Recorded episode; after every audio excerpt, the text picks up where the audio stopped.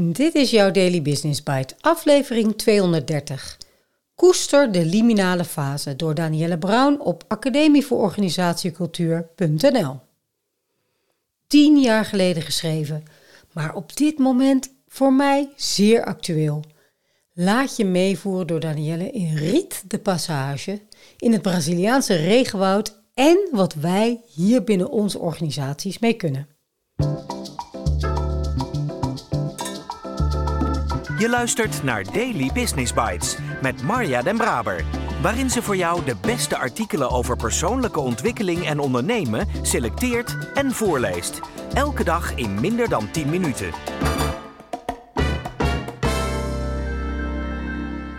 In veel culturen gaat de overgang van belangrijke fasen in het leven van een persoon of een gemeenschap gepaard met vaste rituelen. Denk aan rituelen rondom dood, geboorte, huwelijk, toetreden tot een dorp of gemeenschap, volwassen worden of de ontgroening bij studentenverenigingen.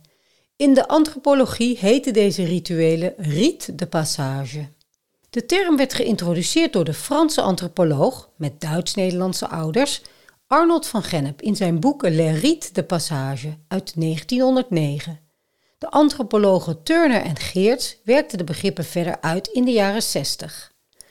Volgens Van Gennep zijn er drie fases waarin een riet de passage zich ontwikkelt. Afscheiding, liminaliteit is transitie en reïntegratie.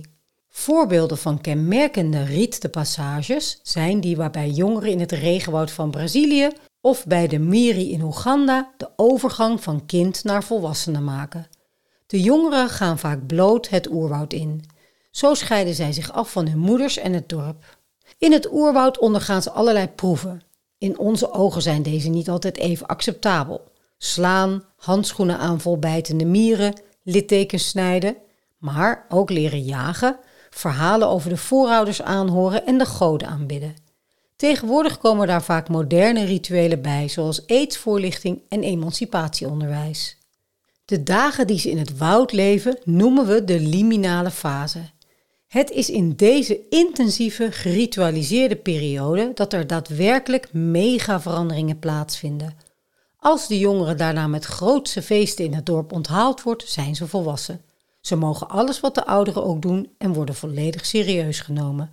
Puberteitsproblemen zijn er dan ook niet. Wat kunnen we daar nu mee in organisaties? Wat mij steeds weer opvalt is hoe groot de druk is om reorganisaties of cultuurverandering zo snel mogelijk te laten verlopen. Mensen zijn onzeker, willen duidelijkheid, klanten merken dat we aan het veranderen zijn, zijn drijfveren om snel van het oude naar het nieuwe te willen gaan. Wat natuurlijk niet lukt. Bijna elke reorganisatie gaat met vertraging gepaard. Raar eigenlijk dat we in westerse organisaties de overgangsfase of de liminale fase proberen te verkorten en als negatief beschouwen, terwijl overal en in alle tijden volken weten dat dat nu juist de ultieme periode en unieke kans is om tot een waarachtige change te komen.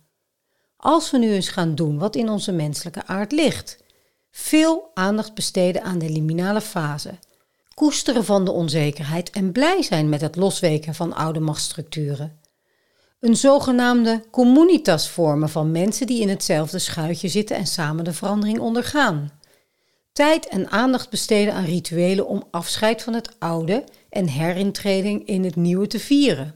De oude geesten, waarden, producten, missie, verdrijven en nieuwe cultuur, processen, het nieuwe werken uitnodigen begrijpen dat de oude leider niet altijd de aangewezen persoon is om change manager te zijn, maar dat je daar een magier ofwel een procesbegeleider voor nodig hebt, die zin geeft aan de toekomst en de psychologische onzekerheid kan begeleiden, die zich terugtrekt als het ritueel voltrokken is. Daily Business Bites met Marja Den Braber. Je luisterde naar Koester de liminale fase door Danielle Brown. Riet de passage.